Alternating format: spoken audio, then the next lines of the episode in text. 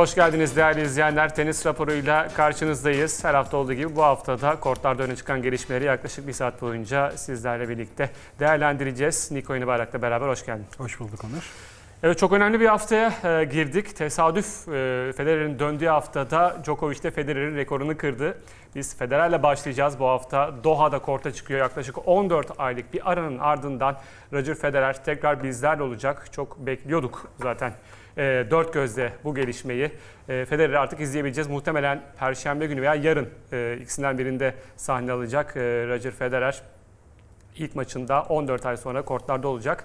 E, Jeremy Shadi ile Denemans maçının galibiyle karşılaşacak. E, bakalım kim olacak İs- İsviçre'nin rakibi. Tabii Djokovic'le konuşacağız. 311 hafta e, bir numarada kalarak e, Federer'in 310 haftalık rekorunu kırdı. Geçen haftaya da döneceğiz. E, vaktimiz el verdiğince geçen hafta turnuva şampiyonlarını e, konuşacağız. E, Niko Yeni Bayrak'la. Niko öncelikle Federer'den başlayalım. Federer 14 ay bizi bekletti. e, kariyerinde verdiği en uzun ara e, ve şimdi artık bizlerle birlikte olacak. E, tabii izleyemedik e, antrenman videoları dışında e, nasıl bir e, performans göstereceğini, nasıl bir durumda olduğunu tam bilmiyoruz. 1-2 dakikalık antrenman videolarıyla e, bir şeyler söyleyebiliriz. Ama sen e, Federer'den neler bekliyorsun? Ee, yani hafta içi işte bazı İsviçre basını Almanya'ya açıklamalar yaptı. Ee, hedefleriyle ilgili. Yani Doha'da birkaç maç kazanırsam harika olur dedi. Asıl amacının da Wimbledon'a %100 gitmek olduğunu söylüyor. Ee, toprak sezonu hakkında henüz bir tasarrufu yok. Ee, kendi de biraz dizlerini gözlemledikten sonra bu turnuvalarda Ee, şu an bir ağrısı acısı olmadığını, en azından bu problemi hallettiklerini, sabah gayet uyandığında kendisini iyi hissettiğini ve dizlerindeki o acının yok olduğunu kendini rahatsız eden söylüyor. Genel olarak sağlık durumunun iyi olduğunu söylüyor. Ee, tabii yeni bir dönem var. Pandemi sürecine e, nasıl e, adapte olacağı konusunda o biraz daha yani diğer tenisçilere göre ha- hafif şey olacak. Hmm, hazırlıksız olacak diyelim.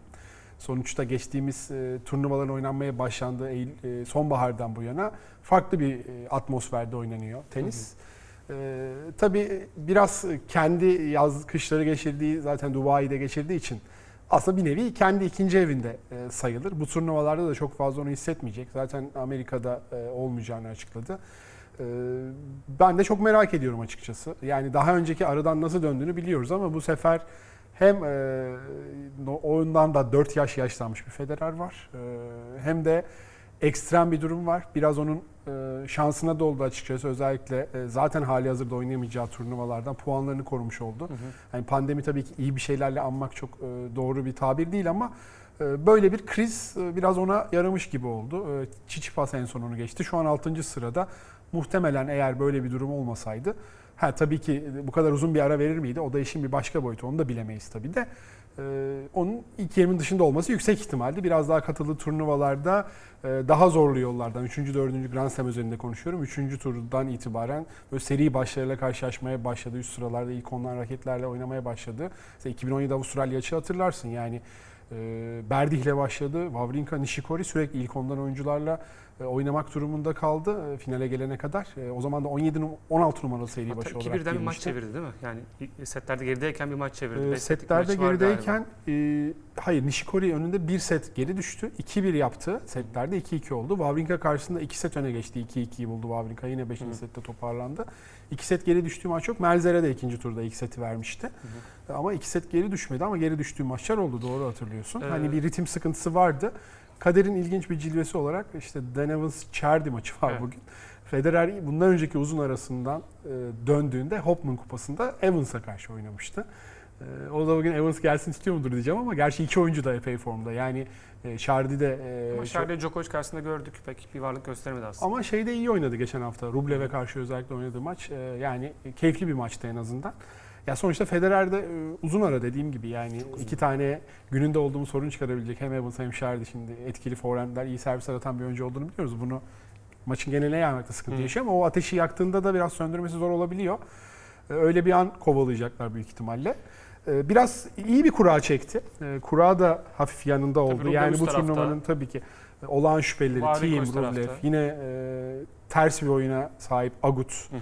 E, hepsi üst tarafta kaldı. Wawrinka üst tarafta kaldı. Yani Shapovalov dışında Joric çekildi e, turnuvadan. Joric çekildi ki Federer'in bu tarz turnuvalarda biraz o, o fotoğraf yeni gündem olması da biraz enteresan. Ben Bizim o dönem Doğu- görmüş Doğukan hatta tweet, tweet de atmışım yani Federer'i tenkit eden bir tweet Doğukan atmışım. Atırat ona e, ne olduğunu söyleyelim. E, Var mı o? Hazır mı? O yok fotoğraf hazırlatmadım ama e, Komik çünkü yani biraz 310. turnuva haftasında Djokovic'in Halle'de bir turnuva var yaz aylarında ve Federer'in de 8 kere, e, 9 kere kazanmıştı o zaman. Joric'i yenerse e, 311. haftasını garantiliyor e, ve zirvedeki 311. 311. haftasını garantiliyor. Maçtan önce pasta kesiyorlar. Halle organizatörleri Djokovic'in 311. haftası kutlu olsun. Ama finalden diye. önce. Federer'in 311. haftası. Evet, Federer'in 311. haftası kutlu olsun, kutlu olsun diye ve Joric Federer'i yeniyor e, ve bütün her şey boşa çıkmış oluyor. Hatta ATP'nin bir gün sonra da işte bu sene Indian West'te e, Del Potro'yu yenseydi 21 hafta daha kalacaktı tarzı bir tweet'i var. E, çok enteresan zamanlardı. Dedin Doha ikinci evi Federer'in. Federer'in zaten 350 tane evi var turda. Yani ikinci evi, üçüncü evi artık yani Doha'da e, ama iyi bir performans gösterdi kesin. 2005, 2006 ve 2011'de şampiyonlukları var. Ki 7 kez katıldı, 3 kez yenildi. Birinde turnuvadan çekildi. En az çeyrek final gördü. Yani e, daha önce elendiği bir e, yıl yok Doha'da. Bu nedenle e, sevdiği e, bir e, zeminde dönecek. Açıklamaları var demişti Federer'in. Onu grafik haline getirdik. Bir onlar ekrana gelsin. Bakalım Federer hem kendi dönüşü hakkında hem de rakipleri hakkında neler söylemiş.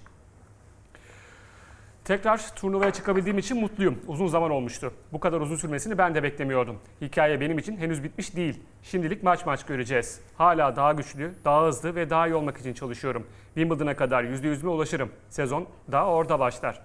Antrenmanlardaki performansın beni bile şaşırttı. Son 3 haftadır antrenman performansından memnunum. Ama maçlar daha farklı bir hikaye olacak. Rakipler hakkında da konuşuyor. Ee, Novak ve Rafa'nın son zamanlarda yaptıkları olağanüstü. Novak Avustralya'da, Rafa Roland Garros'ta tekrar üst seviyeye çıktı. Şu an ikisi de zirvelerine yakınlar ki bu tenis için harika. Grand Slam rekoru konusuna ben şu an farklı bir konumdayım. Benim için Pete neyse şu an ben Novak ve Rafa için oyum. Rekorlar kırılmak için var. Umarım hepsi elinden geleni yapar ve geriye döndüklerinde pişmanlık duymazlar. Djokovic'e karşı oynamaktan keyif alıyorum. İkimiz de birbirimizin içindeki en iyiyi çıkarıyoruz. İkimizin oyun stili farklı. En iyilere karşı en iyi oyununuzu bulmalısınız. Yoksa yeterli olmaz. Hele ki Novak gibi bazı günler hiç dışarı vurmayacakmış gibi oynayan birine karşı. Novak iyi savunma yapabiliyor ve agresif oynayabiliyor. Denge konusunda çok iyi. Bu nedenle en iyilerden biri. Ona karşı oynamak beni daha iyi bir oyuncu yaptı. Bunları söylüyor e, Federer. Önce kendi geri dönüşüyle ilgili konuşalım. E, henüz %100'üyle e, hazır olmadığını, Wimbledon'a kadar %100'üne ulaşacağını ve sezonun da asıl sezonunda geri dönüşünün de o zaman başlayacağını söylüyor ki ve biz de bunu bekliyoruz zaten. Burada Doha oynay- Doha'da oynayacak. Dubai'de de oynuyor değil mi? Çekilmedi. Evet. Sonrasında Miami'den çekildi. Miami'de yok. Sonrasında toprak sezonunda zaten ne yapacağını pek bilmiyoruz. Belki bir turnuvaya katılır. Ya da belki direkt Roland Garros'a gider. Belki direkt Roland Garros'a gider ama ondan sonrasında e, Wimbledon'da kendinin de %100 olacağı bir performans bekliyor. E, biz de bunu bekliyoruz zaten. E, Evet yani sonuçta e, 21 e, elzem oldu artık. Her ne kadar teoride çok önemli olmadığını söyleseler de raketler içten içe bu rakamlara biraz kafayı taktıklarını biliyoruz. Bundan da doğal bir şey yok zaten. E, bu Zaten şey geçişi zordur. Çok fazla yani doğal favori görmeniz mümkün değil e, Roland şeyde Wimbledon'da. Ki hani mesela Djokovic'in olmadığı sene Federer'in ne kadar rahat kazandığını gördük hakikaten. Ee, Şimdi yine o pandemi dolayısıyla toprak çim geçişini yapabilecek çok fazla seviyede üst yani Rublev performansını oraya yansıtır Medvedev çok zannetmiyorum. Team yine çim zaten çok etkili çok olduğu kötü, bir e, şey değil. Zverev hakeza öyle. Ya yine Djokovic dışında formda bir Federer'e karşı e, Federer'e karşı favori olacak bir maça favori çıkacak bir raket yok bence Djokovic karşısında Wimbledon'da. E, 14 ay ara vermiş. Tabii bunun yani e, Temmuz'a kadar e, hiç ara vermediğini e, ve sakatlıktan iyi döndüğünü farz ediyorum. Bu bambaşka bir şey. E, Çok düşük formda da dönebilir. istediği dönüşü yapmayabilir. 14 ay onun için de yeni bir şey. E, Mantıklı, uzun vadeli bir plan ortaya koyması daha da mantıklı kısa vadeli planlardan ziyade. Ama dediğim gibi bu hafta izlemeden açıkçası dikkatli gözlerle e, bu 14 ayının onda ne gibi e, olumlu ve olumsuz etkileri olduğunu gözlemlememiz zor olacak.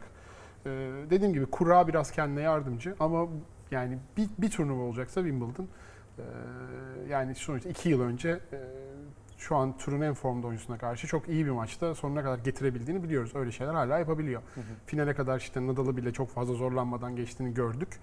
Ee, bu ara iyi gelecek mi merakla bekliyorum. Ayakkabılarla yani bu o Ayakkabını süreçte markala evet. işte marka geçişini yaptı, logosunu da geri aldı. Ee, Eski tedarikçisiyle bir e, sulh içinde ki onun zaten bir süresi vardı yanılmıyorsam 8-10 ay. Onun da olmasını bekliyordu. Hı Ee, O biraz riskli geldi bana. Yani ayakkabı böyle sıfırdan bir üreticinin tamam kendi markası vesaire ama yani geçmişte bu ayakkabı yüzünden kariyeri e, özellikle basketbolda mesela e, Hingis'in de eski kullandığı tedarikçisinin ayakkabılarının sakatlığında büyük sebebiyet olduğunu Şunu söylerlerdi. söyleyeyim. Djokovic Riskli bir geçiş yani. ayakkabısını değiştirdiği zaman e, ilk maçlarında O da aynı. çıkıp Hingis, fırlattığını, Hingis'i sakatlayan ayakkabı oydu. Djokovic'in Evet. kariyerinin başında kullandığı ayakkabı da oydu. çıkartıp yere vurduğunu falan hatırlıyorum Djokovic'in. Evet, yani bu biraz riskli. Ama hala aynı ayakkabıyı kullanıyor şu anda. Dediğim gibi yani büyük ihtimalle zaten bu ayakkabıyı tasarlayan ekip bu büyük markalar arası ayakkabı tasarımcı savaşları var bu arada. Biraz inceleyenler bakabilir işte. Şimdi adını sarf edemediğimiz büyük e, spor ayakkabı üreticileri. Ya büyük ihtimalle öyle profesyonel bir ekip. E, Federer'in bu konuda yaş tahtaya basacağını düşünmüyorum. Tabii. Ama mesela Grant Hill aklıma geliyor. Yani acayip bir şekilde tamamen ayakkabı kurbanı bir kariyer. Yani dediğim gibi Hingis'in ilk dönemlerinde o Djokovic'in de şikayetçi olduğu Hı hı. ayakkabı, onun da bilek sakatlıklarına sebebiyet olduğu söyleniyordu. Yani artık biraz daha bu konularda bildiğinden şaşması gereken bir ortamda 40 yaşına gelmişken biraz radikal bir değişim. Umarız korktuğumuz gibi olmaz. O ölçüp biçmiştir onları yani. E, Djokovic, e, Federer'i çok e, sildik biz tarihten değil mi? Yani biz dediğim tenis yorumlayanlar genel dünyada işte 2008'de mononükleoz olduğu zaman, sonrasında Djokovic'e yenildiği Tabii. zaman, e, sonrasında 2012'de son Grand Slam'i kazandıktan sonraki 2013'te düşüşünde Herkes yani en seveni bile Robredo'ya kaybedilen Artık Amerika açık diyor- 4. dedi. turundan sonra e, devam etmesini isteyen yoktu yani. 2016'da ara verdi. Nasıl döner? Dönemez. E, Birçok şey konuşuldu. Şimdi de e, artık hani 14 aylık bir ara nasıl dönecek bilmiyoruz. Yine hala e, bıraksın diyen sesler var ama e, ben Federer'in e, belki Grand Slam kazanması zor gözüküyor. Ama hiçbir zaman imkansız değil. Yani teniste bu üçlü konusunda imkansız demek saçmalık. Ya bir sürü ders alındı ya bu konuda. Yani 3 oyuncuda. Hatta Andy Murray'nin şu an dönüp tenis oynayabiliyor olması, turlar geçebiliyor olması bile ben en az bunlar kadar değerli. Yani bu insanların bu spora olan tutkusu, sevgisi ya bizim böyle kestiğimiz genel tenis şeyini kestiği ahkamlardan çok daha ötede Tabii. yani. Bir kere bu sporculara saygısızlık. E, Bıraksın yani o dünya 100 numarasını da kaybedebilir. Her turnuvada birinci turda da elinebilir. Oynamayı istedikten sonra oturup izleyeceksin yani. Tabii ki çok seven biri olarak yıllarca zirvede gördüğün isimleri o şekilde e, görmek hoşuna gitmiyor olabilir. Bir Federer fanını Raonic'i yarı finalde elenirken görmek, Djokovic'i Indian Wells'te isimsiz bir tenisçi ikinci turda elenirken görmek, Nadal'ı ilk yüzün dışında birine Wimbledon'da elenirken görmek hoşuna gitmiyor olabilir. Ama yani sonuçta o insanlar buna devam ettiriyor. Bir sürü acı çekiyor, bir sürü sıkıntı çekiyor, bir sürü özel zamanlı buna feragat ediyor çoluğundan, çocuğundan, ailesinden, özel yaşamından. Hala deli gibi seyahat edip bu turnuvalara katılıyorsa yani çok fazla ahkam kesmemek gerekiyor. Özellikle tenis hususunda bireysel bir spor ve çok fazla yoğunluk gerektiren bir spor. Hakikaten yani e, diğer bütün takım spordan vesaire çok ayrılıyor. Çok farklı bir mentaliteye sahip olmanız gerekiyor. O maç içinde değişkenler çok çabuk değişiyor. E, bence psikolojik ve karar verme yetileri çok üst düzey sporcular bunlar. Onların aldıkları kararlara saygılı olmak e, gerekiyor bu durumda. Ya dediğim gibi Federer'in oynamıyor. Yani bırak bıraksa ne olacak yani? Yarın öbür gün aynı isimler ya çok özledik filan. Keşke burada olsaydın ilk turda elenseydin diyecekler. Yani biraz sosyal medyanın etkisiyle suyun akış yönüne doğru herkes o e, eleştiri veya övgü trenlerine Hmm, binmeye çok hmm. meraklı. Yani bir şey övülecekse herkes çok yüksek perdeden övüyor. Sinema filmlerinde çok olur. Eleştirilecekse çok yüksek perdeden eleştiriliyor. Ha, bu öyle bir şey değil yani. Bu e, hakikaten büyük fedakarlıklar gerektiren, büyük fiziksel ve manevi zorluklar atlatılan her maçta, her puanda büyük iniş çıkışlar yaşanan bir spor. E, Onlar yapabildiği kadar yapacak. Bu bizim şansımıza yani o bıraksın, şu bıraksın demek. e, Eğer dediğim gibi e, gayri şey yollara girmeyen bir tenisçi ya şeyse yani sevmediğim bir tenisçi eyvallah dersin de bu, bu tarz isimlere karşı böyle e, şeylerde bulunmak hem iddialı yani. Onlarca kez de tekzip edildi bu. Bir değil, iki değil, Biz üç seninle değil. hiç bu programda e, senin Federer'le ilgili e, bu Federer'i nasıl sevdiğin konusunda bir şey konuşmamıştık. Senin bu Federer sevgini konuşalım. Federer'i biraz. nasıl sevdim ama sen de Djokovic'i anlatırsan anlatırım. Anlatırız canım. Yani çok tesadüf aslında ya benimki. E, 98'e kadar falan gidiyor. Yani tabii o dönem e, Eurosport e, Almanca sadece anlatımı vardı. E, Bir gün geldim lise 2'deyim herhalde. Agassi o, zaman, o dönemki favori tenisçim. E, TRT sağ olsun hakikaten düzenli olarak en azından 4 Grand Slam verirdi. Fahri abinin anlatımıyla. E, Tam olarak verirdi. Hiç maç kaçırmadan bütün gün sabah bir ara Meclis TV bölüyordu. Sonra o da ayrılınca rahat bir nefes almıştık. Zaten herkesin Türkiye'de bir tenis sevgisinin temelleri oralarda atılmıştır. Ee, 98 işte Basel turnuvası Kasım ayı gibi Agassi ile oynuyor. İşte wild card'la katılmış falan. Çok tarzı hoşuma gitti oynarken. İki sette kaybetti bu arada. Agassi rahat yendi ama ya öyle birkaç vuruş yaptı ki hatta YouTube'da kısa bir görüntüsü var 3 dakikalık. Yani Agassi bile böyle hani böyle gözlerini belirten bu çocukta iş var gibi jest mimikler vesaire. Ee, tabii o şimdiki gibi imkanlar yoktu. Sonra izini kaybediyorsun doğal olarak. Ee, bir kere Transworld Sports'ta o zaman NTV'sinde bir programda röportajını görmüştüm. Yanılmıyorsam aynı sene Junior Wimbledon'ı kazanmıştı Federer 98'de. Onunla alakalı bir röportaj. Sonra da işte 2001'de Sampras maçında gördüm. Ben tabii doğal olarak Agassi sever biri olduğum için doğal olarak da Sampras'tan çok haz etmeyendim. Özellikle onu Wimbledon ve Amerika açık finallerinde sürekli yendiği için biraz head to head'de üstündü çünkü. Ee, Sampras hani çok servis voley biraz daha böyle kısa oyunlar vesaire. Agassi daha seyir zevki veren bir oyuncu. Daha çeşitli bir böyle fiziğine oranla biraz daha şey olduğu için yani daha mucizevi geliyordu onun yaptığı şeyler. Ee, Sampras'ta yenince Sampras'ın 4 üst üste dördüncüyü kazanması engel oldu. 3 3 Grand Slam'lik seriyle geliyordu oraya. Zaten bir daha da son e, çeyrek finali bir sonraki sene ikinci turda başka İsviçreli elenmişti Sampras. Orada kazanınca Sampras karşısında e, dedim yani aradığım şeyi buldum takip etmek için. Zaten boşluk dönemi oldu. E, 2003'ten sonra da başka da pek bir Hüvit'ten hiç haz etmiyordum. Hüvit'i de sürekli yeniyor olması. Rodik'ten hakeza öyle. Yani biraz tesadüf ama eskiye dayanıyor gerçekten. Sen ama senin Djokovic'in daha çok merak ediyorum. Ya Bunu konuşacağız. Federer, Djokovic Nadal, konuşurken konuşuruz. Federer Nadal döneminde e, Djokovic'i sevmek yürek ister mi diyelim ne diyelim? Antik konuşuruz. kahramanlar olan Antik kahraman. sevgilinden değil mi? Yok Sen yani Mourinho'yu da çok kahraman seversin. Messi Ronaldo'da da Ronaldo'cusundur. Evet. Chelsea'yi çok seversin. Seveni azdır mesela. Senin böyle bir şeyin var. E, az sevilenleri sevme üzerine bir Başarı üstünde kurmuyoruz biz. İnşa etmiyoruz sevgimizi. Ee, tabii e, Federer çok uzun süredir e, kortlarda dedik. E, çok uzun bir kariyeri var ve üst düzeyde bunu başarması asıl dikkati çeken şey. Şimdi box bölümüne gideceğiz. E, Ali Kırçıl bize Federer'in e, bu kadar uzun ve başarılı kariyerinin e, temel unsurlarından bahsedecek.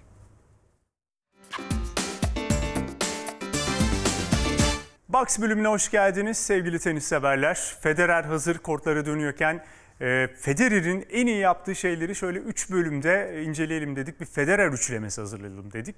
Tabii ki 39 yaşında hala kariyerine dünyanın en oyuncularından bir tanesi olarak devam ediyor olmasının belli sebepleri var. E, fakat biz bugün mesai saatlerini işleyeceğiz. Yani iyi hareket etmesi, işte forehandleri vesaire bunları bir kenara bırakıp bugün sadece mesai saatine odaklanacağız. Mesai saati derken neyi kastediyorum?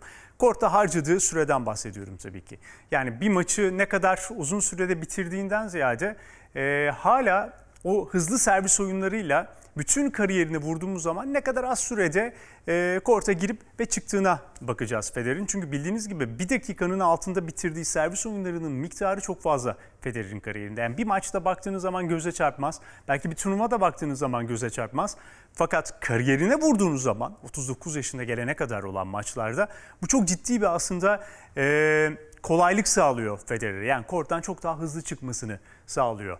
Bu da daha az yıpranmasına e, neden oluyor. Biz şimdi e, 2015 sezonundan 2016 Avustralya açık dönemine kadar e, yapılan bir istatistiğe bakacağız. O istatistikte oyuncuların ortalama seti ne kadar hızlı bitirdikleri yazıyor. Ortalama servis kazanma süresi e, 36 dakika. E, Djokovic'in servis kazanma süresi 42 dakika ve e, Nadal'ın da 46 dakika.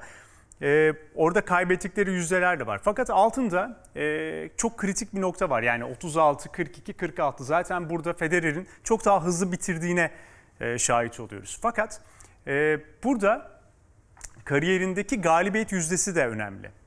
Federer'in %82. E, Djokovic'in Nadal'ın da 83 civarı. Yani Federer'in burada biraz daha oynadığı maçları az kazandığını görüyoruz ama çok daha uzun süredir aslında kortlarda yer aldığını da belirtmek lazım. Yani ilerleyen yıllarda bu 83'ler e, Djokovic ve Nadal cephesinde de e, aşağı inebilir, 82'lere inebilir tabii ki yıllar geçtikçe. Federer çok kısa sürede setleri bitiriyor. 36 dakikada seti kazanmayı başarıyor. Ee, ve oynadığı maçların %82'sini kazandı. Yani çok daha kısa sürede birçok oyuncudan maç kazanabiliyor. Bunu da çok hızlı servis oyunlarına borçlu. Ee, kaybettiğinde de zaten yine uzun sürüyor ama kolay kolay da kaybetmediğini görüyoruz. Federer'in zaten %82'sini kazanmış. Ee, bunu daha önce Paul Fein de dile getirmişti. Federer'in en iyi yaptığı şeylerden bir tanesi kortta mümkün olduğu kadar az vakit geçirip daha az yıpranması. Bu da 39 yaşında hala dünyanın en iyi oyuncularından bir tanesinin olmasını sağlıyor. Gelecek hafta görüşmek üzere. Hoşçakalın.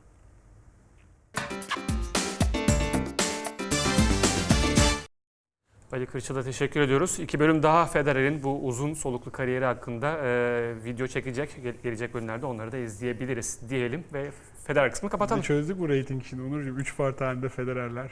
Öyle. Ali Hocam tabii ki. Geri dönmüş hazır. Ali Hocam anlatıyor. Djokovic'ten devam edelim. Djokovic de e, tesadüf odur ki Federer'in döndüğü haftada e, Federer'in rekorunu kırdı. Bir ka- kavuk devri gibi bir şey, bir şey oldu yani. Evet. E, 311. haftası zirvede Djokovic'in ki bu Federer'in e, kırılmaz denilen rekorlarından biriydi. E, Djokovic bunu tek başına eline geçirdi. 5 farklı dönemde zirvede kaldı Novak Djokovic. E, tabii bu dönemlerde işte 2011'de ilk e, zirveye çıktığında ki performansıyla e, işte 2016 öncesi performans arasında tabii ki fark var. Şu andaki performans arasında da fark var ama bu 5 dönemde de domine ettiğini söyleyebiliriz e, ATP turu. E, Novak Djokovic konusunda e, özellikle bu rekor konusunda neler söylersin?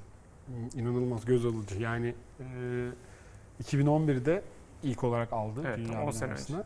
E, Federer, Nadal'ın var olduğu bir tenis ikliminde bir oyuncu e, bunu geçecek, bu rekoru kıracak deseler herhalde en çok sevenler bile zor bir görev olarak görürdü bunu. E, Özellikle Sampras'ın rekoru kırıldıktan sonra Federer 300 haftayı da geçtikten sonra hatta yetmedi 2018 ortasında Rotterdam'da geri aldıktan sonra e, iyice ilerletir deniyordu. E, Gelinen nokta inanılmaz hakikaten ki yani 10 farklı sezonda bir numaraya yükselmiş Novak Djokovic. Bu da bambaşka bir süreklilik. Altısını zirvede tamamladı. Altısını zirvede tamamlıyor. Sampras'la orada da ortak. Bu sezonu tamamlarsa 7. Burada da tek başına bir galip e, rekoru elinde tutuyor olacak. Yani nereden baksan imkansız. Yani o çok e, meşhurdur Djokovic'in çocukken yaptığı röportaj. 6-7 yaşında. Orada iki tane farklı. Yani Maradona'nın şeyi gibidir. Büyüyünce Dünya Kupası kazanacağım. Bir Wimbledon'ı kazanmak en büyük hayalim. Bir de dünya bir numarası olmak diyor.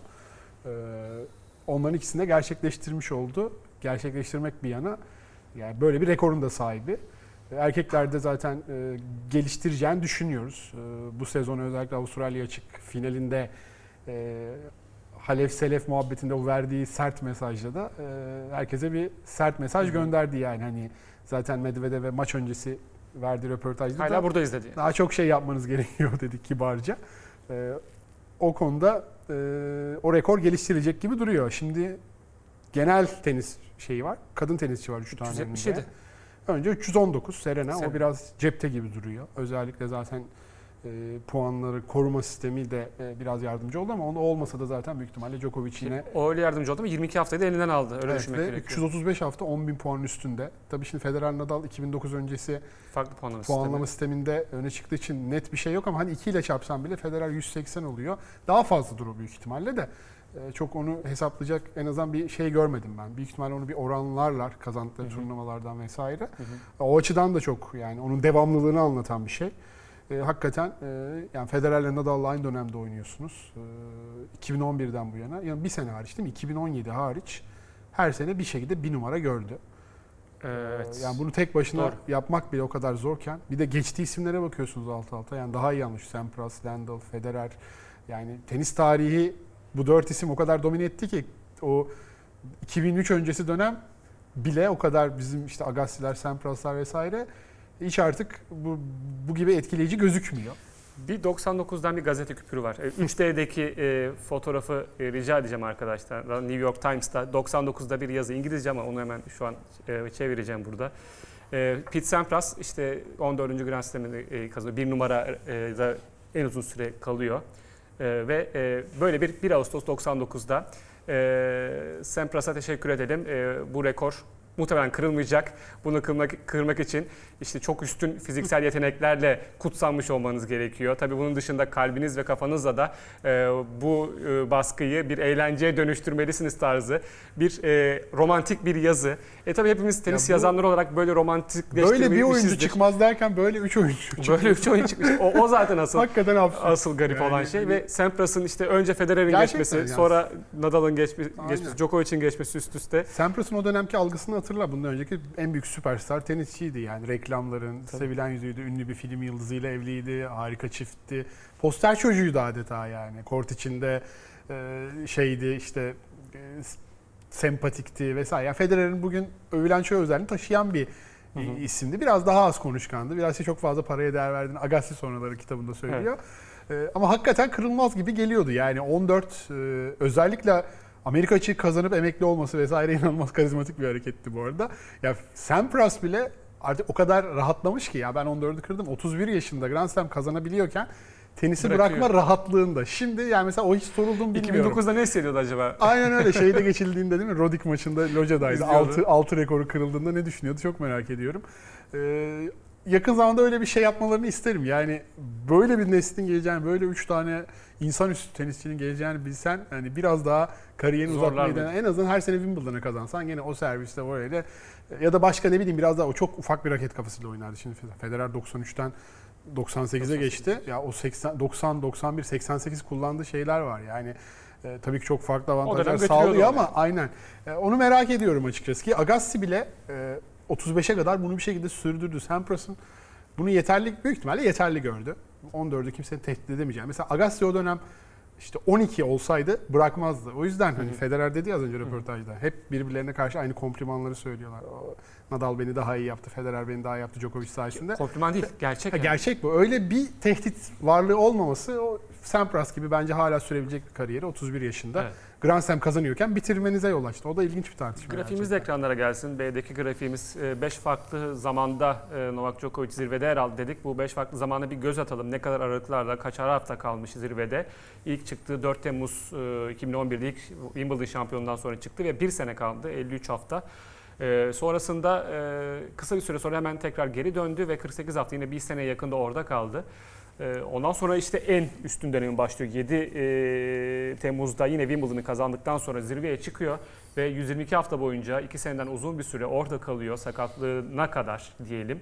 E, ve burada da çok büyük başarılara ve çok büyük rekorlara imza atıyor. Sonrasında sakatlıktan dönüyor ve 5 Kasım 2018'de tekrar zirveye geçip bir sene daha kalıyor. Sonrasında Nadal'a kaptırıyor.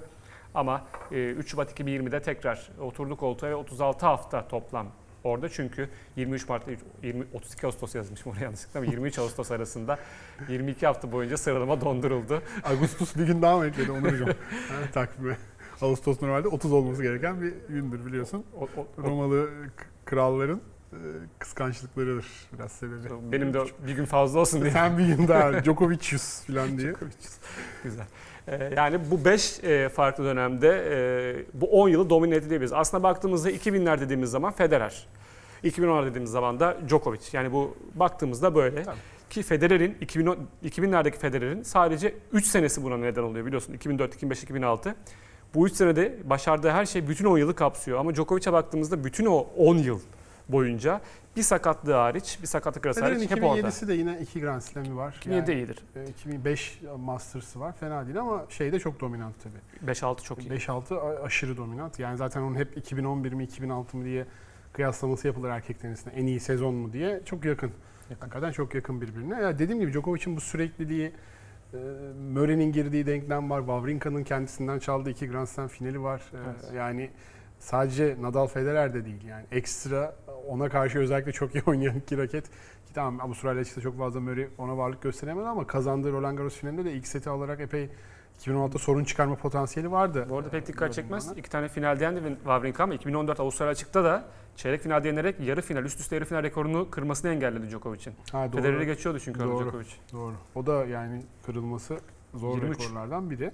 Ee, Bir de 237 hafta üstte dünya bir numarası kalma Şey de var. zor bence. Üst üste 10 Grand Slam finali. Evet o da zor ama Djokovic'in 15 10 yani 11 12'de şey 11 12'de Wimbledon yarı finalinde elenmeseydi. Federer'e orada biraz yaklaşabilirdi. gibi. Yaklaşabilirdi. Ya Federer'in o Grand Slam istatistiği çok güzel. 10 final, 23 yarı final, 36 çeyrek final. Evet. Çok zor kırmak. Acayip. 10 10 final e, şeyde mi kırılmıştı? O nerede bozuldu 10 final serisi? 2008 Avustralya açık yarı finalinde kırıldı. Djokovic, Djokovic. kırdı işte aynen ki. Doğrudur. O sezonun geri kalanında da yine Roland Garros finali, Wimbledon finali, Amerika açık finali oynadı. Yani 14 olabilirmiş orada da yenseymiş Federer'in o mononükleozlu vesaire sezonu Evet. bile. Daha da ilerleyebilirmiş ki. Ee, sonra 2009 yine Avustralya açık final oldu. 2009 Roland Garros zaten kazandı. 2009 Wimbledon'ı kazandı. 2009 Amerika açıkta final oynadı. Acayip bir yere gidebilirmiş o rekor gerçekten. Ama işte böyle kırılmalar ve ya bu hep konuşulur. Biri, üçünden biri olmasa nasıl bir tablo olurdu onu çok merak ediyorum. Yani şey olarak bakabiliriz tabii onların elendikleri yerden atıyorum yani.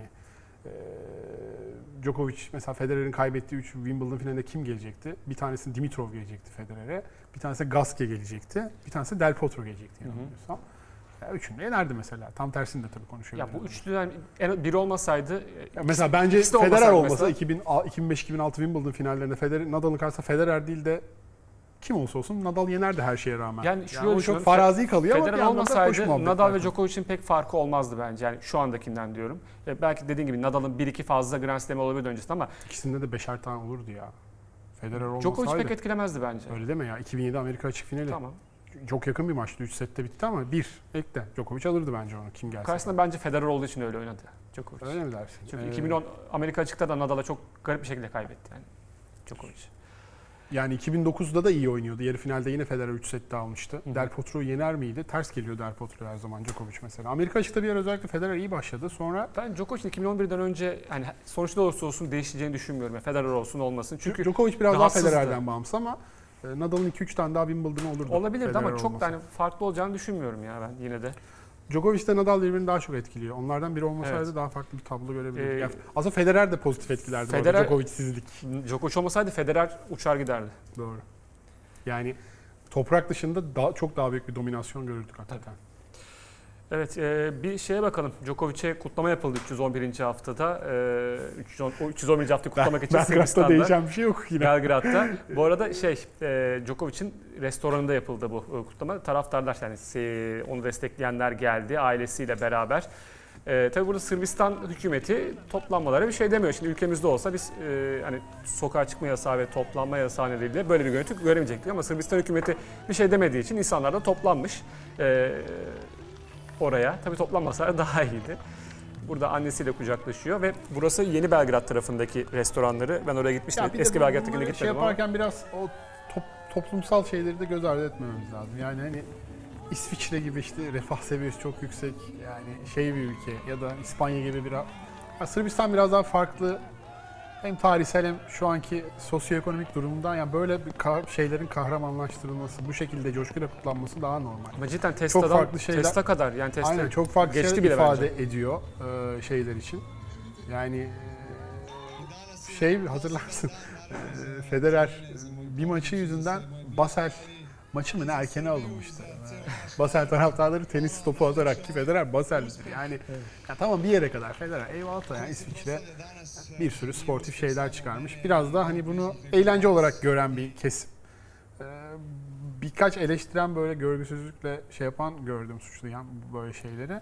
Ya abi 311 hafta şey yani hani açsınlar o zaman Goran Ivanišević'in Wimbledon dönüşü şey Hırvatistan'ı izlesinler. Yani. O da mı? müthiş görüntüler. Ha, harika işte yani ne var ki yani. Türkiye'nin dünya üçüncülüğü Ya o- dönüşteki gibi. Aynen öyle o bir kişiye karşı beslediğin siz üzerinden her şeyi o perspektiften bakarak yorumlarsak çok hoş olmaz açıkçası. Sevmeyebilirsin. Yani ya bir kere işte Adria turu yaptı ya. İşte Adria turu Ya yapınca tamam, artık bir dillere Artık pelesenk. Sanki yine bunu lazım. da o ayarlamış. O o zamandı. Herkes cezasını çekti. Ee, çok şükür ya daha kötü sonuçlara da yol açık. Büyük bir sorumsuzluk tabii bu bambaşka. Bunun için herkes eleştirdi zaten. Djokovic'i eleştirmeyen ya da savunmak isteyen ben görmedim bir iki ufak çatlak ses dışında yani. Yani şöyle söyleyeyim hani ben eleştirdim. Ya, e, aşı Yani, karşısında dediği zaman yani- ben yerden yere vurdum kendisini. Ee, Ee, ki yaptığı Djokovic'in kendi ülkesi için şey ettiklerini, e, kelimeyi bulamadım, Temsil. ifade ettiklerini e, buradan anlamak zor olabiliyor. O ülkelerin genel durumlarına bakmak gerekiyor biraz da. Ya bir şey söyleyeceğim. Aynısını e, mesela Marcel yapsa diyelim. Marcel gitti 10 tane Grand Slam kazandı. Böyle karşılanır mıydı sence? Bence alakası yok. Karşılanmazdı. karşılanırdı ya. Türkiye'de ya biri bir şey övmeye başlayınca onun şeyi çok olur. Sırbistan Yani hiç ama hayatında tenis maçı izlemiş Yugoslavya şeyleri spor- görürsün locada. Spor Ya hatırla kültürü, 2000 spor, Yugoslavya'daki 2001 spor kültürü Bak, Türkiye'deki bir senin mi? şeyin iyidir. 2001 değil tabii ki. Ama 2001 Av- Avrupa Dünya. Avrupa Şampiyonası hatırla. Yani Ama basketbol. ya da 2010 Dünya Şampiyonası'nı hatırla. Onlar basketbol. Yani olsun yine de. Ya Başarı Türkiye'de her olunca- zaman Türkiye'de her zaman futbol. Voleybolda bile olmuyor biliyorsun. Voleybolda en başarılı sporumuz ya. En başarılı öyle mi? sporumuz Ya? voleybol. Efsa 2003'te e, final oynadığımızda Böyle ben toplu bir e, basketbol veya futboldaki bir toplu toplanıp karşılama Yani görmek. Zaten ülkemizde olan organizasyonlarda zaten çok başarılı oluyoruz. kucaklandı biliyorum ama o biraz camiasal bir şeydi. E, Ama tenis bireysel ya. Yani şimdi Çağla e, kazandığında WTA'yı fena şey olmadı. E, İyi bir dönüş oldu. Sürekli böyle şeyler başaran bir sporcun çıksa onu Yani ben pamuklara sarıp sarmalayıp Ben o ekmeğini yemeyi iyi biliriz Futbol, yani. basketbol dışında bu ülkenin o kadar toplanıp hani Sırbistan'da gördüğümüz manzara göremeyiz. Tabii o biraz daha farklı bir tutku yani Sırbistan. Yani çok şey Spor kültürü bu Yugoslavya'dan örneği gelen bir şey bu yani. Ee, 70'lerden şöyle 60'lardan söyleyeyim, gelen bir şey. 2000'de e, 2000'de su topunda Sırbistan Karadağ Karada. kazandı. Olimpiyat şampiyonu oldu. Sonra 2002'de ayrıldı bu ülkeler. Hı hı. 2004 Atina Olimpiyatlarında e, 2004 Atina mıydı? Yok 2004 Atina. 2004 Atina'ydı. 2000 Sydney, 2000 2004 Sydney, Atina. 2004 Atina aynen. Sırbistan'la Karadağ iki ayrı ülke olarak katılıp final oynadılar. Yani hani e, ki bu işte Amerika gibi, Macaristan gibi inanılmaz ekol ülkeler var yani. Hı Hani bu bambaşka bir şey tabii de. e, bu kadar olmasa da yani Djokovic gibi bir sporu çıkarsak e, şey yapardık. Yani çünkü onu da seviyor bizim ülkemiz. Yani başarılıyı çok şey Yüceltip. yapmayı seviyor yani. Peki, e, Djokovic konuştuk, Federer konuştuk. E, bir de puanlama sisteminden konuşalım. Şimdi puanlama sistemi az önce bahsettik biraz e, Djokovic konuşurken. E, bildiğiniz gibi geçen sene pandemi nedeniyle e, bazı turnuvalar oynanamadı. E, bu neden 2019'daki e, puanların korunması e, na karar verilmişti. Bu 9 Ağustos tarihine kadar devam edecek. 2019'da e, 4 Mart'ta 5 Ağustos arasında oynanan turnuvalarda elde edilen puanların yarısını koruyabilecek tenisçiler. Bu sene katılırlarsa ve daha yükseğe çıkarlarsa daha yüksek olan puan sayılacak tabii ki. E, Kitzbühel, Hamburg, Roma ve Roland Garros geçen sene oynandı ama onlar da buna dahil. Yani geçen sene aldıkları puanların yarısını koruyabilecekler tenisçiler bu dört toprak turnuvasında e, diyelim. E, ve 16 Ağustos 2021 tarihinden itibaren de normale geçecek puanlama sistemi yani Cincinnati ile beraber. E, çok konuşuldu tabii bu iş yok Djokovic'e yaradı yok Federer'e yaradı ama e, sonuçta bir e, zorunluluk var ortada E, ve bunu da tenisçilerin en az etkileneceği şekilde atlatmasını e, sağlamaya çalışıyor ATP ve WTA. Yani gözünün önünde pandemi var ya bütün dünya etkileyen. Şundan da tarafgirlik devşirmek, ona yaradı buna yaramadı demek. Yani işi gücü yok bu insanların. Ee, buralardan e, mağduriyet ya da avantaj devşirecekler. Yani e, turnuvalar oynanamıyor. E, düşük e, puanlı, daha çok turnuva oynayıp burayı gelir kapısı yapan oyuncular turnuvalara katılamadı aylarca. Seyahat etmek zorundalar. Belli bir harcamaları var. Antrenörlerine ödeme yapmak zorundalar. Yani işi gücü yok da işte Djokovic'in, Serena Williams, Federer avantaj devşirecekti. Yani bunu korumak zorunda. Ee, Bu oyuncuların hakları öncelikle gözetilmek zorunda. Ki e, Avustralya işte gördük. Bazen istemekleri şartlarda oynanmaya da zorlansalar bile sporcu sağlığını bir noktada e, hiçe sayan demeyeyim ama tehdit edebilecek ortamlarda antrenman yapmadan 5 setlik uzun maçlara çıkmaları gerekebilecek ortamlarda bile bir şekilde var olmayı sürdürüyorlar. Ee, binlerce oyuncunun dahil olduğu bir sistemden bahsediyoruz yani. Onun veya bunun faydası en son akıllara gelen şeydir. Yani manasız ve e, bir süre daha böyle gidecek 2021'de. Hani aşılama hızları da biraz yavaş gidiyor sanki. Ee, göreceğiz. Geçen haftaya dönelim. Geçen hafta erkeklerde ve kadınlarda ikişer turnuva vardı. Ee, Rublev, e, Rotterdam'da 500'lük turnuva koleksiyonunda bir yenisini daha ekledi. Üst üste 4 tane 500'lük turnuva kazandı Rublev. Ee, Niko toplasan 2000 bir Grand Slam yapıyor puan anlamında ama Yani Ee, son Grand Slam'de, son 3 Grand Slam'de de üstte çeyrek final yaptığını, Hı hani orada da belli bir standart tutturduğunu söylemek lazım. Beni şaşırtıyor, genel olarak şaşırtıyor. Yani biraz o çelimsiz hali yüzünden eee, yani ilk 20'lerde olabilecek, arada böyle patlamalar yapabilecek bir oyuncu olduğunu düşünüyordum. Ama bu kadar istikrarlı bir oyuncuya dönüşmesi hem şaşırttı hem sevindirdi. Çok keyifli bir oyun tarzı var eee, hakikaten. Eee, son 4 ATP 500'de kazandı. Eee, 2009'dan beri herhalde. İşte Federer'in Del Potro'nun bir serisi var 28 maçlık. Eee, Federer'in 21 maçlık ki onun bir sonraki eee, şu an oynadığı turnuva Katar yine 500'lüktü değil mi? Federer 28, e, Murray 21. Taypot'un bir 500'lük serisi yok. Onların birisi 250 galiba. Ha, öyle 2008'de. mi? Hı hı. Eee, Federer'in 28 doğru. Eee, 2014-2016 yani arasında. onu burayı da kazanması sonra bir tane daha katılması gerekiyor. Eee, ama dediğim gibi yani eee, bu yıl zaten 13-1 tek maç kaybetti Avustralya açık. Evet. Çeyrek finalinde. E, Kasım 2009'dan beri 58-11 bu yani Djokovic, Murray, Nadal, Federer istatistiği bu hakikaten eee, çok sansasyonel. Pandeminin pandemi sonrasının en iyi oyuncusu. Hı hı. 7 tane turnuva kazandı. E, Turnuvada finallerinde çok yüksek yüzdesi var. E, Gerçekten o baskıyı da iyi omuzladığını gördük. Hakikaten e, yeni bir yıldız gözümüzün önünde büyüyor bir istikrarıyla. Ve umuyoruz ki daha iyi yerlere gelecek. Keyifle Yani- izlediğimiz bir oyuncu. Fuçoviç'e de baktığımızda aslında hani kalıplı ve e, o eski Alman askerlerini andıran bir görüntüsü var. E, onu backhand kadını ve forehand kadında pasifize etti. Yani ilk sette çok iyiydi çünkü Fu- Fuçoviç özellikle e, forehand kanatında ama tiebreak'te yaptığı hatalarla o seti verdi. Sonrasında ikinci sette Rublev o backhandlerle e, resmen domine etti oyunu. Yani bu açıdan baktığımızda da yani güç konusunda da pek bir e, sıkıntı yaşadığını görmüyoruz aslında Rublev'in o biraz cılız görüntüsü. Tabii ondan da biraz sıyrıldı. Senin de dediğin gibi biraz kaslandı. Tabii tabii. Yani Evet. zaten kortta çok iyi hareket ediyor. Hakikaten servis kalitesi çok üst düzey. Yani inanılmaz hızlı değil ama çok isabetli servisler atıyor. Ace'leri ciddi bir silah. İlk servislerden puan çıkarma yüzdeleri zaten çok yüksek. Ee, dediğim gibi çok e, tam kapasite ve e, böyle çok farklı varyeteleri olan bir oyuncu. E, kimsenin de herhangi bir Grand Slam'da turnuvada e, karşısına almak istemeyeceği bir oyuncu gerçekten. Evet bir turnuvada e, Buenos Aires'te vardı. E, orada da Schwarzman şampiyondu. İki Arjantinli final oynadı. Hatta geçen sene, geçen hafta final oynayan, e, Cordoba'da final oynayan Serundolo'nun abisi bu kez e, final oynadı. Serundolo geçen hafta şampiyon olmuştu. Çok sürpriz bir şekilde. Serundolo ailesi için. Serundolo ailesi bir anda Arjantin'de gündem oldu yani. E, bu Var arada bir şey abi söyleyeyim. Bir kardeş itiraf arka arkaya? Zverevler yapmış mıdır? Abi Ee, kardeş arka arkaya final oynayan. Final oynamıştır belki ama arka arkaya şampiyonluk yok diye biliyorum. Bir itirafta Hani- bulunayım. Geçen haftaki Serundolo zannettin ilk görünce Yok hayır. ee, Serundolo'yu ben e, ilk defa ismini duymuştum. Çok çünkü yani derinlemesine giremiyoruz artık. Hı hı. e, iş yükü nedeniyle diyelim. Evet. Ee, kardeş Serundolo'yu ilk defa duymuştum. Onu okurken abisi olduğunu öğrendim. Eğer onu okumasaydım bunu da aynı Serundolo sanır, sanardım zaten yani ismine bakmazdım. Ee, aile gerçekten burada Arjantin'de birbirleriyle ITF Challenger seviyesinde finaller oynarken şu anda e, ATP seviyesinde iki final gördü üst üste. Ama Schwarzman sezona kötü başlamıştı a- aslında. O biraz toparladı. Bizim açımızdan iyi çünkü 2020'nin sonunda iyiydi gayet Schwarzman. Kendini bulması açısından iyi. Geçen hafta bu, yine çeyrek final yapmıştı işte. Serundolo'ya, diğer kardeş Serundolo'ya elenmişti. O sıra burada çıkarken biraz kolay bir kura. Tabii 4 rakibinin 3'ü elemelerden geldi ama 2019 Ağustos'undan beri ilk kupasını aldı o da. Kendi evinde, kendi şehrinde hatta. Doğma büyüme Buenos Aires'li bir raket e, Schwarzman. E, çok da zorlanmadan e, bir şampiyonluk geldi. E, toprak sezonu için öncesi iyi bir sinyal tabii onun içinde.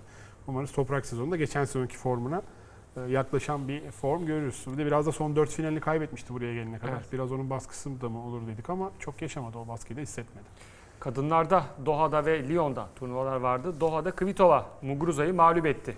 6-2, 6-1 gibi çok rahat bir skorla ki 2018'de final oynamışlardı yine Doha'da. 3 sette kazanmıştı e, Kvitova ve Muguruza o sene de yarı finalde maç yapmadan atlamıştı. Gerçekten tesadüfler zinciri oldu. E, Kvitova Doha'yı seviyor tabii çünkü sezon başını da seviyor aslında ama geçen sene burada final oynayıp Sabalenka'ya kaybetmişti. 2018'de işte yine Muguruza'yı yenmişti. E, Doha'da kariyerinin 20. galibiyetini elde ediyor ve Kuznetsova ve Wozniacki'yi geçerek e, Doha'da en çok maç kazanan tenisçi oldu. E, sezon bölümünde gerçekten iyi performans. Kvitova'nın finallerdeki e, winnerlığı Tabii. hakikaten inanılmaz. O E, grafik ekranlara gelebilir. Bütün ITF, ITF Final Pro kazanma vesaire yüzdeleri. Grand Slam ilk seti az- kazandı. e, 32. maçında kazanmış yani. İnanılmaz. WTA seviyesinde 20, 2 Grand Slam'de var. 22 tane WTA seviyesinde maçta e, ilk seti aldı. 32 finali de kazanmış. E, çok sansasyonel yani. 3 sette de bitmiyor. 2 sette biten finaller için daha da inanılmaz. Şimdi bu sezon biraz e, geçmiş ama e, özetleyeceğim grafiği. E, ilk 10'daki tenislere baktım. En az 10 final oynamış olsun dedim. E, ve galibiyet yüzdelerine, final galibiyet yüzdelerine bakıyorum. Elina Svitolina 15 galibiyet, 3 mağlubiyeti var finallerde. %83'lük bir galibiyet yüzdesi var. Serena Williams 73 galibiyet, 25 mağlubiyeti var finallerde. %74'lük bir galibiyet yüzdesi ve Kvitova 28 galibiyet, 10 mağlubiyet, %72'lik bir galibiyet yüzdesi var. İşte Osaka 10. finalini oynadı Avustralya açıkta. %70'lik bir galibiyet yüzdesi var. Yine Sabalenka'nın %70'e yakın bir yüzdesi var. Ee, Muguruza çok şaşırttı beni. 14 finalin sadece 7'sini kazanabilmiş. Azarenka yine 21 artı 19 40 finalden 21'ini kazanmış. Karolina Pliskova bu kadar final oynadığını fark etmemiştim. Gerçekten 39 final çok iyi. bu kalibrede bir oyuncu için. 29 değil mi? 16 13. 29 özür. İyi, O da iyi. 39 çok iyi değilmiş. O da iyi. Halep 39. Ee, HD Barty 14 final. Ee, sansasyonel Aynen. gerçekten. Yani Kvitova'nın e, Zaten zaten bu oranı çok iyi. e, yaşadıkları sebebiyle Evet. bir rol model olmayı da sürdürüyor. Asla geri adım atmayıp son 13 finalin 10'unu kazandığını da belirtmemiz gerekiyor. Ee, zaten yaşadığı sıkıntılar hep herkesin malumu. Kortta benim izlemekten en keyif aldığım, en sevdiğim oyunculardan biri. Ee, o da çok başarılı bir hafta geçirerek. Final biraz hayal kırıklığı olsa da e, Muguruza iyi gelmişti oraya. Bir günde dinlenmişti ama biraz ritim bozabiliyor bu. Ee, çok fazla hiç maça sokmadı hakikaten. Prime Kvitova hem servis hem özellikle forehand kanadında inanılmazdı. Ee, şu ikinci tur maçı rahatlığında geçti. Tek e, Kek Ramstad o oldu ağızda kalan. Biraz daha bu iki isimden biraz daha uzun ve keyifli bir maç bekliyorduk. Bu Gruzu aslında istikrarlı bir dönemden geçiyor. Evet. Yani son 12 turnuvanın 11'inde en az iki maç kazanmış. Yani şampiyon Osaka'yı en çok zorlayan da Avustralya açıkta. Maç puanları elde etti. Ee, bu dönem bu süreçte de Avustralya açıkta işte geçen seneki Avustralya açıkta bir finali var. Kendine yenildi. Bir daha e, bu sezon öncesi Barty'ye yenilmişti e, Melbourne'de sanırım. E, son şampiyonda Monterey'de 2019'da kazanmış Muguruza. O, o günden bu yana e, şampiyonluğa aç diyelim ve e, bir yeni bir şampiyonumuz var turda. Clara Tauson, e, Danimarkalı tenisçi. Wozniacki'den sonra bakalım ikinci bir yıldız çıkartabilecek mi e, Danimarka tenisi? Golubic'i mağlup etti Lyon'da ve e, Tauson da böylece kariyerinin ilk WTA seviyesindeki şampiyonluğunu elde etti. 2019 Avustralya Açık Junior şampiyonu, ilk ATP şampiyonluğunu 2017'de 14 yaşındayken kazanmıştı ve 13 yaşında Danimarka'nın en genç e, ülke şampiyonu olmuştu e, Tauson. Wozniacki'yi e, geçmişti bu kulvarda ki çok soru soruluyor. 3-4 seneden beri acaba yeni Wozniacki geliyor mu diye ve çok kişi de koçları gerek koçları gerek Wozniacki'nin kendisi o yeni Wozniacki olmasın o kendi bir kişiliği var kendisi olsun e, tarzı açıklamalar var. Geçen sene 33 galibiyet 8 mağlubiyet aldı bütün kulvarlarda ki çok önemli bir istatistik bu bu yaştaki bir tenisçi için. Errani, Errani'yi yenmişti e, Prag'da ve tabii Roland Garros'ta Jennifer Brady'yi yendiği bir maç var ilk turda ki Brady o maçta gerçekten çok iyi oynamıştı. Son set e, başa baş geçmişti. Ona 8 veya 9 mi öyle bir şey bitmişti yani. E, o yakın maçta Towson'u yendi ki Brady bir e, Grand Slam önce Amerika açıkta yarı final oynamış. Bir sonraki Grand Slam'da da final oynamıştı bildiğiniz gibi. Öyle bir Brady'yi mağlup etti yani toprakta. Bu senede 19 galibiyet 3 mağlubiyeti var.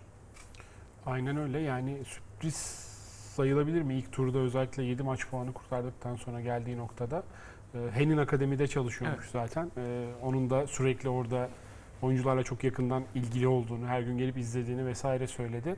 Ee, sempatik de bir isim gerçekten. Güzel açıklamaları da yansıdı işte. Ee, kimlerle, işte Kvitova ile karşılıklı oynamak istiyorum. Onun o sert, güçlü vuruşlarıyla karşılaşmak Evet. istiyorum vesaire. Ee, çok keyifli bir e, isim. E, umuyoruz uzun vadede e, daha sık sık programda konuşma fırsatı buluruz. Geçen haftanın da güzel e, sürprizlerinden biri oldu. Bu arada biraz daha bilgi vereyim Towson hakkında. Alexandrova'yı yendi ilk turda. Senin de dediğin gibi çok zorlu bir maçın ardından. Ee, Alexandrova 2018'den bu yana yanılmıyorsam indoor'da en çok maç kazanan tenisçi. Evet, sadece 9 55'e 9 mu öyle bir istatistik. Maçtan sonra babasını aramış Towson. Kazandın demiş. Babası çok şaşırmış. Yani Alexandrova'ya mı yani? yani indoor'da bu kadar canavar gibi olan birini mi yendin demiş. E tabi onu alıp e, o galibiyet alıp bir şampiyonluğa dönüştürdü. ATP Eski oyuncu. 101'e kadar yükselmiş de ilk 100'e girdiğimde onu arayacağım ve seni geçtim Girdi. diyeceğim diyordu. 96 Girdi zaten. oldu. Aramıştır büyük İlk yüzdeki en geç ikinci oyuncu. Coco Gauff e, 16 yaşında şu anda ve ilk yüzde inanılmaz başarılı. Yani, e, ilk yüzdeki en iyi bazı şeyleri normalleştirdi. en genç ikinci oyuncu oldu. E, oyun tarzında da fileye gelmeyi, agresif oyunu seven bir yapısı var. Yine güçlü vuruşları var. Hepsini çok iyi armanlarsa yani Kvitova gibi bir tenisçi neden e, çıkmasın? E, final maçından önce e, Golubic'in lob yapacağını biliyormuş. Golubic lob yapacağı için de lob çalıştım diyordu ve öyle bir puan aldı gerçekten Twinner'la. E, enteresan bir e, öngörüsü var. Seneye belki Avustralya açıkta bir sürpriz. 2019'da Junior'larda kazandığı bir yer. Hı hı. Ve orada bir sürprizle böyle daha e, şey yazdırabilir. Biraz daha dünya normalleşirse, aşılama hızı artar ve pandemi biraz daha günlük hayatımızı daha az etkileyen bir seviyeye gelirse orada böyle ilk büyük çıkışını yapabilir belki. Evet yani geçen hafta Henen'i konuştuktan sonra bu, bu hafta Henen'den, Henin Akademisi'nden birinin e, Evet. şampiyon çıkması da güzel, bir tesadüf. Tesadüf. Böyle de yön veriyoruz tenis Ee, dünyasına. Koçu da bu arada Henin Akademisi'nde çalışıyor. E, Jan Strelska'nın eski e, koçudur kendisi. Ona da çok büyük başarılara kazandırmıştır. Çok büyük başarıdan kastım ilkleri kazandırmıştır yani. E, diyelim ve böylece bu haftaki programı da kapatıyoruz. E, şampiyonlardan konuştuk, Federer konuştuk, Djokovic konuştuk. Daha Dolu dolu. ne konuşalım? Ee, gelecek hafta tekrar görüşeceğiz değerli izleyenler. Ee, bakalım Federer doğada ne yapacak onu konuşacağız. Ee, gelecek hafta tekrar görüşeceğiz. Hoşçakalın.